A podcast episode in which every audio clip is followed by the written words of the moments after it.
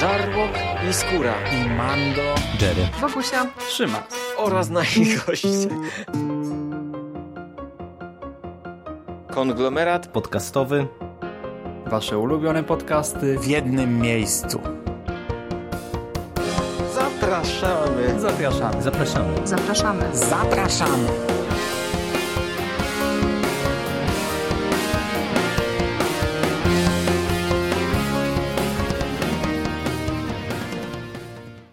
Konglomeracie podcastowym, czyli na platformie, która zbiera wszystkie Wasze ulubione podcasty w jednym miejscu. Wita się z Wami Bogusia. Cześć. Mam za sobą bardzo ciekawy wieczór. E, Postanowiłam, że wprowadzenie do kolejnego wywiadu nagram od razu, ponieważ potem jak e, emocje troszeczkę opadną, to może to nie wyjść tak fajnie, jakbym chciała. A chciałabym, żeby było, było fajnie, ponieważ e, dzisiejsze spotkanie autorskie było naprawdę wyjątkowe. W moim domu od zawsze czytywało się kryminały. Jedne z takich pierwszych wspomnień, które mam w głowie, to regały, półki, które uginały się pod naporem kryminałów milicyjnych. W moim domu takie nazwiska jak e, Edigej, czy e, Zajdel-Zborowski, e, czy Sakuła to były, byli autorzy mm, na porządku dziennym jakby. Moi rodzice rozczytywali się w tego rodzaju literaturze, a ciekawskiemu młodemu czytelnikowi też niektóre takie rzeczy podtykali. Wiadomo, że obecnie kryminały z lat 80. nie mają zbyt dobrej opinii. Do, do, pewnego momentu rynek polskiej literatury kryminalnej też jakby wolałby zapomnieć o tym, że tego typu literatura w ogóle istniała. Natomiast ja przyznaję, że były to naprawdę niesamowite książki. Dla mnie, nastoletniej czytelniczki, która nie tylko chłonęła jakby całą tę warstwę dramatyczną, warstwę kryminalną, ale także zapytywała rodziców o to, czy to naprawdę tak było, czy milicjanci w tamtych czasach byli naprawdę tacy, jak opisywani w tych książkach. Bardzo długo y, miałam problem z tym, żeby znaleźć na rynku wydawniczym coś, co przypomniałoby tamtą nostalgię. Okazuje się jednak, że istnieje pisarz, który tę lukę wypełnił. Nazywa się on Ryszard Ćwirlej. To bardzo śmieszna sprawa, ponieważ e, ostatnio, kiedy poszukiwałam e, jednej z pierwszych jego powieści e, w domu u moich rodziców, no to okazało się, że książka, o której mowa, Upiory spacerują nad Wartą, książka, która ukazała się w roku 2007, była pierwszą publikacją, jaką kupiłam, zaczynając pracę w księgarni. A to, co przykuło moją uwagę, to fakt, że książka ta opisywała pracę milicjantów w PRL-u. Nie wiem, czy wy, moi drodzy słuchacze konglomeratu, mieliście kiedyś takie doświadczenie, że podczas czytania jakiejś książki czas się cofnął i poczuliście się jak rzeczywiście tacy młodzi czytelnicy, którzy dopiero co odkrywają ten świat. Ja taką przygodę odbyłam właśnie podczas lektury pierwszej książki Ryszarda Ćwirleja i bardzo uważnie przypatrywałam się temu autorowi przez te wszystkie lata. Upłynęło już 10 lat od jego debiutu literackiego. Teraz jest to autor, który jest już w pewnych kręgach bardzo mocno kojarzony, wręcz kultowy. Ryszard Ćwirlej ma grono wiernych y, wielbicieli, w szczególności w Wielkopolsce, ponieważ tutaj mm, głównie toczy się akcja jego powieści. Mamy wspomniane tutaj okoliczne miejscowości i mniejsze, a akcja głównie skupia się w Poznaniu. I to właśnie my, Wielkopolanie, w głównej mierze doceniamy uroki jego pisania. Ale nie tylko na tym warto się skupić, ponieważ w tym roku Ryszard Ćwirlej nie tylko świętuje dziesięciolecie swojego debiutu literackiego, ale także w ostatnim czasie otrzymał nagrodę wielkiego kalibru, więc nareszcie jego praca dostała, została odpowiednio doceniona. Ryszard Świrlej był dzisiaj gościem księgarni, w której pracuję. Odbyło się u nas kolejne spotkanie autorskie i właściwie jest to dla mnie wydarzenie wyjątkowe, ponieważ mam takie przeświadczenie delikatne, że to ja częściowo mm, do niego doprowadziłam z dwóch powodów, ponieważ po pierwsze odkryłam troszeczkę tego autora i na każdym kroku starałam się tutaj wągrowieckim czytelnikom go polecać, promować. A po drugie, bardzo śmieszna sytuacja, bo niedawno Ryszard Ćwirlej obchodził urodziny i na Facebooku napisałam do niego życzenia urodzinowe, podpisując się pozdrowienia z Wągrowca. Autor odpisał pod tym komentarzem w takich słowach, że o, Wągrowiec, fajnie, bardzo chętnie kiedyś przyjechałbym do Was na spotkanie autorskie, ale niestety nikt mnie nie zaprasza. No to postanowiliśmy to zmienić i udało się autora przywieźć do nas na, na spotkanie z czytelnikami. Był to naprawdę niesamowity wieczór. 90 minut rozmawialiśmy o jego pisarstwie, y, o tym, dlaczego y, te powieści, tak bardzo krytykowane przez niektórych, nam czyta się tak bardzo dobrze, jak dzięki jego pisaniu udaje nam się odbywać te niesamowite podróże w czasie oraz jaki związek z milicyjnymi procedurami ma serial 07 Zgłoś się. Ci, którzy byli na spotkaniu, y, rozmawiałam z y, kilkoma klientami zaprzyjaźnionymi i nie tylko. Okazuje się, że oprócz wiernych czytelników to spotkanie chyba otworzyło furtkę dla tych ludzi, którzy Ryszarda Ćwirleja jeszcze z tej literackiej strony nie znają, ponieważ autor okazał się przemiłą osobą, znakomitym gawędziarzem, a także człowiekiem z, nies z niezwykłym poczuciem humoru i ogromnym dystansem do siebie i swojej pracy. Nie byłabym też sobą, gdybym nie wykorzystała tej sytuacji i nie um, udało mi się Ryszarda Ćwirleja namówić na krótką rozmowę dla Was, tutaj dla słuchaczy konglomeratu. Niezmiernie się z tego cieszę. Gorąco pozdrawiam autora. Mam nadzieję, że jeszcze kiedyś będziemy mieli okazję się spotkać i porozmawiać. A to nagranie to rozmowa, z której jestem wyjątkowo dumna. Także dzisiaj stało się kilka fajnych rzeczy i myślę, że warto to upamiętnić. Zapowiem też, że w tej rozmowie Ryszard Ćwirlej zdradza mm, kilka swoich planów wydawniczych na najbliższy czas. Także zdradza trochę y, informacji dotyczących swojej najnowszej powieści bardzo fajnie, miło mi, niezmiernie. E, natomiast ja chciałabym tutaj na konglomeracie chociaż jedną jego książkę zrecenzować e, i myślę, że chyba wybór już padł. E, będzie to ręczna robota, o której mam nadzieję już w najbliższym czasie troszeczkę więcej Wam opowiem. Mm, może nawet odwołam się do tego słynnego słuchowiska Polskiego Radia, które w 2011 roku powstało. To jest naprawdę bardzo ciekawy temat i jestem pewna, że już wkrótce wkrótce do niego powrócimy. No dobrze, to ja już przestaję gadać, a Was, drodzy słuchacze, zapraszam na rozmowę z Ryszardem Ćwirlejem. Życzę Wam miłego odsłuchu i gorąco pozdrawiam. Cześć! Witamy serdecznie, jesteśmy w Wągrowcu. Spotkaliśmy się właśnie z twórcą kryminałów neomilicyjnych, właściwie z twórcą tego gatunku, panem Ryszardem Ćwirlejem. Przed sekundą zakończyło się spotkanie z czytelnikami, a teraz kilka minut dla konglomeratu podcastowego. Witamy serdecznie. Dzień dobry, bardzo mi miło, że mogę się z Państwem spotkać. Pisze pan e, kryminały neomilicyjne, ale oprócz tego pana książki są osadzone także w dwudziestoleciu międzywojennym, a także w latach współczesnych. Proszę mi powiedzieć, w której z tych stylistyk Ryszard Ćwirle czuje się najlepiej? I dlaczego? Powiem szczerze, że nie mam większego problemu dla mnie przejście z czasów PRL-owskich do lat 20. czy do lat 30. czy też do współczesności, ponieważ ja nic innego nie robię. Jak piszę jeden kryminał w e, kilku odsłonach, to znaczy e, moi bohaterowie PRL-owscy mają jakieś e, korzenie w dwudziestoleciu międzywojennym i tam się pojawiają ich jacyś protoplaści.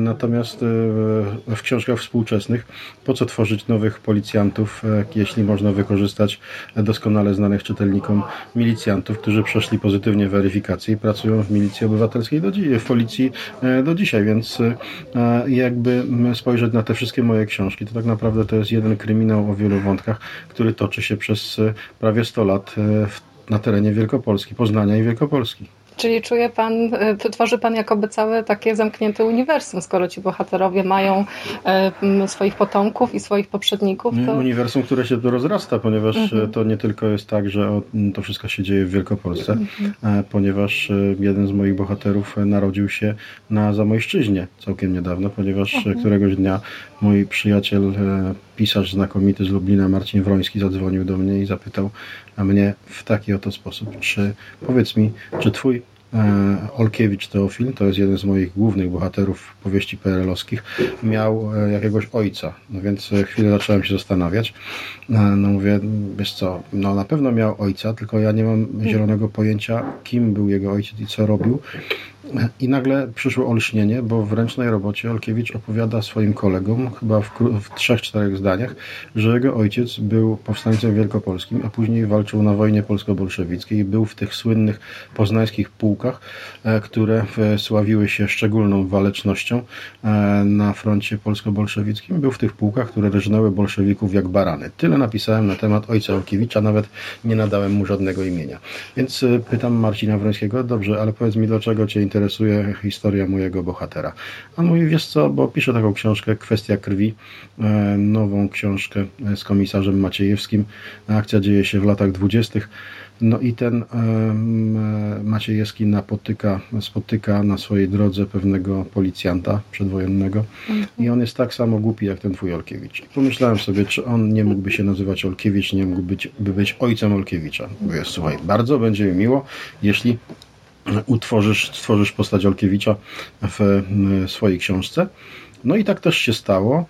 I na koniec tej książki e, Olkiewicz pomaga przede wszystkim rozwiązać Maciejewskiemu, komisarzowi Maciejewskiemu e, zagadkę kryminalną, a potem na koniec Marcin Wroński, chyba robiąc mi pewnego psikusa, wsadził Olkiewicza do pociągu. Anastazy Olkiewicz ma na imię ojciec Olkiewicza, wsadził go do pociągu e, jadącego z Zamościa do Poznania e, z rozkazem przeniesienia do Wielkopolski, do I już Poznania. mamy połączenie. No już mamy połączenie obu książek, a co więcej, e, Olkiewicz, e, jak e, każdy z rodu Olkiewiczów, e, mający słabość do płci pięknej, e, zaczyna emablować e, pewną pasażerkę, która jedzie z nim w pociągu. Okazuje się, że to jest e, podstarzała stara panna, która ma 30 lat. W tym czasie osoba w 20 latach, 30-letnia osoba niezamężna była już traktowana jak stara, stara panna.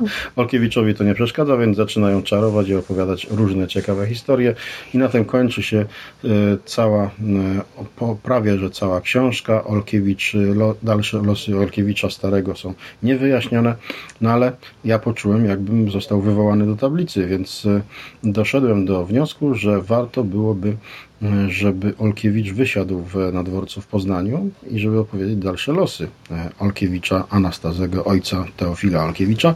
No i też tak I zrobiłem. już. W najnowszej książce, która wyjdzie już w styczniu, Teofil Anastazy Olkiewicz wysiada na dworcu w Poznaniu i pod rękę prowadzi e, pannę, e, starą pannę, która wcale starą panną nie jest, ale takie czasy.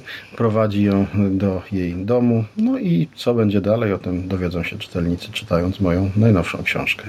Chciałam zapytać, dlaczego kryminały? Bo wiem, że jest pan z wykształcenia dziennikarzem, to, to Z wykształcenia socjologiem. socjologiem, ale Więc, e, pracował pan y, jako, jako dziennikarz. Tak, no mm, właściwie jeszcze w trakcie studiów y, zacząłem pracę dziennikarską w telewizji, później w radiu. Mhm. E, no i a kryminały wzięły się po prostu z mojej pasji, z zamiłowania do kryminałów. To były te książki, które odkrywałem już w, w czasach, w, lat, w młodych swoich latach. Mhm. E, rodzice czytali kryminały, a były to kryminały z czasów PRL-u, więc e, niezbyt wysokich lotów, no ale ja polubiłem ten gatunek i były to fajne książki, które, które czytało się bardzo szybko i bardzo, bardzo łatwo się o nich zapominało, natomiast pozostawały gdzieś tam te historie czy wątki kryminalne gdzieś tam, które w, głowie osiadały i pewnie zostały do dzisiaj, może nawet nieświadomie wykorzystuję niektóre z nich pisząc książki. No więc w momencie, kiedy trzeba było sobie odpowiedzieć, co dalej, czy do końca życia chcę być e, dziennikarzem i jeździć, e, robić, jeździć na zdjęcia i robić newsy, e, czy też za, powinienem zacząć się rozwijać i wykorzystywać swoje zawodowe umiejętności człowieka, który żyje z opisywania rzeczywistości, z opisywania świata, czy też, e, czy też te umiejętności zacząć e, wprowadzać w jakiś zupełnie nowy tor, w jakiś zupełnie nowy kanał. No i e, umiejętności pisania, umiejętności obserwowania rzeczywistości, też to, co dało mi dziennikarstwo, połączone z pasją, e, ten, ta mieszanka spowodowała, że mm, odpowiedź na te pytanie było tylko jedna. Kryminał. Trzeba napisać kryminał. A że jako człowiek niecierpliwy, czek, nie mogłem sobie poradzić z tym, że nie, mo, nie ma na rynku żadnego poznańskiego kryminału i nikt tego kryminału jeszcze nie napisał, doszedłem do wniosku, że jeśli ja tego nie zrobię, no to już nikt tego nie zrobi i w związku, w związku z tym wsiadłem i napisałem pierwszą powieść kryminalną. E, to była już powieść e, PRL-owska, e, pierwsza powieść poznańska. e, Upiory spacerują Upiory nad Wartą. spacerują nad Tak. Wartą. No i bardzo dobrze, że napisałem, bo okazało się, że otworzyło to oczy kilku innym osobom, które doszły do przekonania, że jednak Poznań to nie jest takie akuratne miasto, w którym nic się nie może strasznego wydarzyć i może warto tutaj e, kogoś zamordować i warto e, stworzyć kryminał, którego akcja będzie się rozgrywała na ulicach poznańskich. Ja poszedłem dalej, bo doszedłem do przekonania, że nie warto zamykać się tylko w Poznaniu, ale warto też na kartach książek odwiedzać inne wielkopolskie miasta, które warte są tego, żeby pokazać ich specyfikę, ich, e, ich e, ulice, ich e, zakamarki. No więc poruszam się po Wielkopolsce, poruszam się po tych miejscowościach, które znam, które doskonale znam, więc kto wie, czy w najbliższym czasie nie przyjdzie czas na Wągrowiec, którego, czyli miasto, które też dogłębnie poznałem w czasach swojej pracy dziennikarskiej. Okej. Wielu słuchaczy konglomeratu jest miłośnikami takiego gatunku filmowej, literackiej grozy. W Pana książkach również zda- zdarzają się takie motywy, bo mamy przecież ucięte ręce, zwłoki bez głowy, y, mamy też wyciągane z grobów y, zwłoki. Chciałabym się dowiedzieć, skąd taki pociąg do makabry i czy trudno jest pisać o takich rzeczach. Trudno nie jest pisać. E, Jeśli się ogląda różnego rodzaju filmy, horrory, to myślę, Ogląda że pan? e, od czasu do czasu zdarza mi się, zdarza mi się coś takiego. Natomiast e, jeśli ma się takie doświadczenie filmowe, to nie jest trudno stworzyć swoją własną scenę z makabrycznymi rzeczami. Natomiast te, ta makabra w moich książkach nie przeważa, nie, nie jest, Mhm. Ale jest. głównym i nie jest, nie jest też celem pokazywania jakichś e, makabrycznych scen. Mhm. Ona jest wykorzystana, wykorzystywana w sposób instrumentalny i przemyślany. Na czym to polega? Otóż na tym, że mm, zbrodnie PRL-owskie były takie jak całe PRL. Były siermiężne, nijakie, byle jakie. Najczęściej e, mordowano w sposób najbardziej prymitywny i najbardziej prosty, czyli podczas e, pijackiej libacji ktoś kogoś zadźgał nożem albo ktoś kogoś zabił butelką, waląc go flaszką w głowę. No więc e, m, czy takie zbrodnie są pociągające dla czytelników kryminału? No nie, one nie są w żaden sposób intrygujące i ciekawe, więc trzeba było spowodować, że PRL w połączeniu ze zbrodnią staje się miejscem atrakcyjnym dla czytelnika. No więc wymyśliłem, że te zbrodnie muszą być e, takie, jakby się chciało widzieć je w filmach grozy. No więc są takie, no i w połączeniu z tym siermiężnym PRL-em myślę, że daje to dodatkowy efekt komiczny. Mhm, tak. Bardzo przyjemnie się czyta y, Pana powieści. Y, I ja zauważyłam też, że jako autor jest Pan y, osobą bardzo aktywną w mediach społecznościowych, czyli te nowe technologie też nie są Panu obce. Proszę mi powiedzieć, jak, czy media społecznościowe bywają przydatne? Do, do czego mogą się przydać pisarzowi? Przede wszystkim bardzo przydatne są dlatego, że mogę informować o każdym swoim kroku e, swoich czytelników. To znaczy mogę informować ich o spotkaniach autorskich, e, na które bardzo chętnie jeżdżę.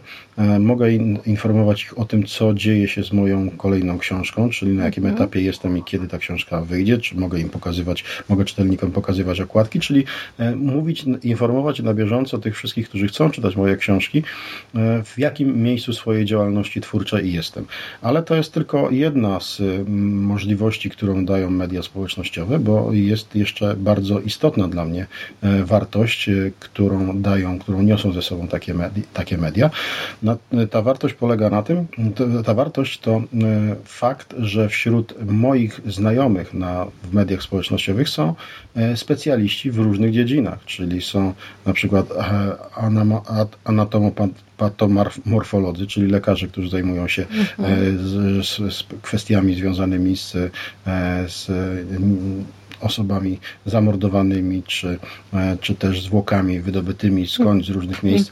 E, Są wśród moich znajomych e, policjanci i milicjanci, z którymi mogę bez większego problemu konsultować pewne kwestie związane ze śledztwami. Także specjaliści są naprawdę na wyciągnięcie ręki i to są specjaliści, którzy z przyjemnością i z dużą chęcią i radością pomagają mi w rozwiązywaniu kwestii, które, do których dotarcie za pomocą literatury czy nawet internetu zajęłoby mi naprawdę dużo czasu, a tak dostaję odpowiedzi e, na nurtujące mnie kwestie w ciągu paru minut.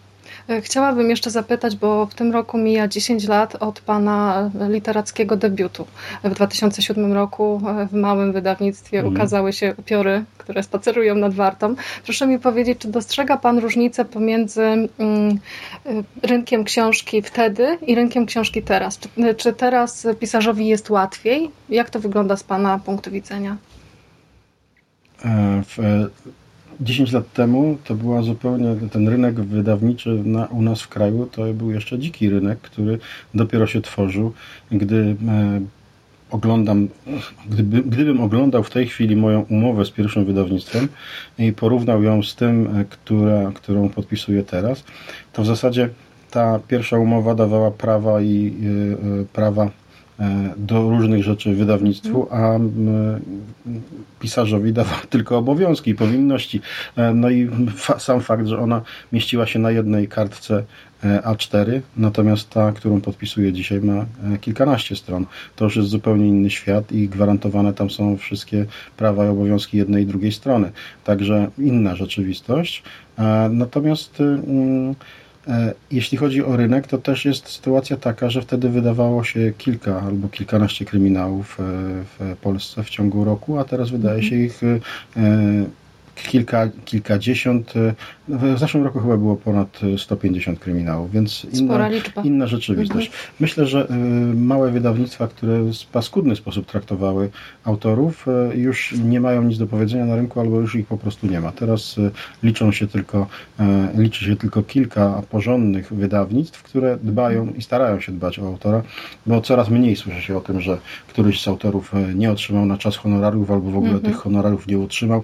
Natomiast w momencie, kiedy ja startowałem, e, było to nagminne. To była, to była normalna praktyka wydawców, że autor pisał książkę, e, wydawca wydawał, ale nie za bardzo był skłonny do tego, żeby płacić mu jakiekolwiek tantiemy. Y, Chciałam też zapytać, którego z Pana bohaterów y, lubi Pan najbardziej, bo y, jak czytam Pana książki, to odnoszę takie wrażenie, że y, pomimo tych wszystkich jakichś złośliwości i jednocześnie prawdy, bo mam, mam wrażenie, że te osoby to są ludzie z krwi i kości, y, to jest tam też taki rodzaj specyficznego ciepła. To się tak przyjemnie czyta. Pan musi ich lubić. Ja lubię wszystkich moich bohaterów. Nie, nie mogę powiedzieć, że któregoś lubię bardziej, a któregoś mniej. To są wszystko moje dzieci. To są osoby, które zostały wykreowane i stworzone przeze mnie od początku do końca. No więc e, mimo, że każda z tych osób e, różni się od siebie charakterem, każda z tych osób ma e, odrębną drogę życiową i każda z tych osób jest tak naprawdę fizyczną, fi- fizyczny, fizyczną fizycznie innym typem, e, to mm, ci bohaterowie są jednak bohaterami, którzy e, zes- współpracują ze sobą, tworzą zespół i bez e, jeden bez drugiego, czy trzeciego, czy czwartego tak naprawdę nie mógłby istnieć, więc e, takie zestawienie tych kilku osób tworzy dopiero jednego zbiorowego bohatera, tego mojego e, bohatera, milicjanta śledczego, czy w przedwojennych czasach policjanta śledczego. No więc e, do wszystkich bohaterów mam e, bardzo osobisty stosunek, nawet do tych, których uśmie uśmiercam, a uśmiercam e, już dosyć sporo uśmierciłem na kartach swoich książek. No więc e, zawsze mi szkoda tych moich bohaterów, których muszę zabić, ale, ale no a co zrobić? No jak nie ma innego wyjścia, jakże, jakże by wyglądał kryminał bez, bez e, porządnego, porządnie zabitego trupa. Jaki jest idealny czytelnik Pana powieści? Taki, który chce czytać i który e, ma ochotę podążać ze mną ulicami Poznania, ulicami e, Szamotu, ulicami Grodziska Wielkopolskiego, ulicami Piły. To ci wszyscy ludzie, którzy chcą e, chociaż na chwilę powrócić do czasów PRL-u, niekoniecznie po to, żeby mówić o tym, że w PRL-u było pięknie i cudownie, bo tak, tak nie było.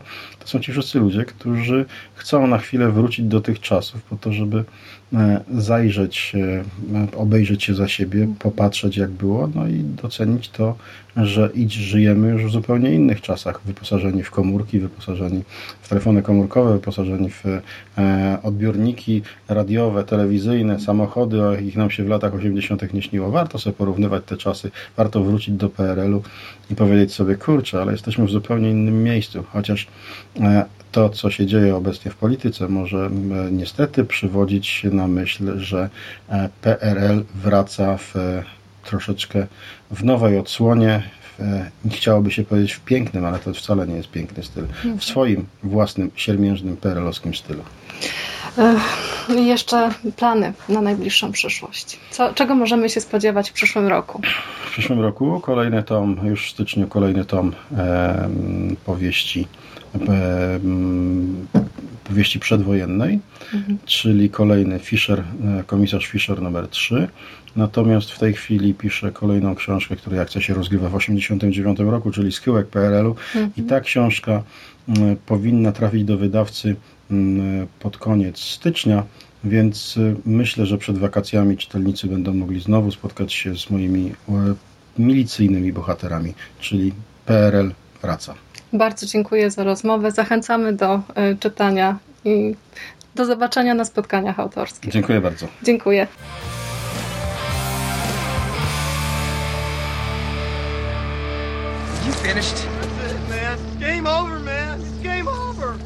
Fuck are we gonna do now? What are we gonna do? It's over.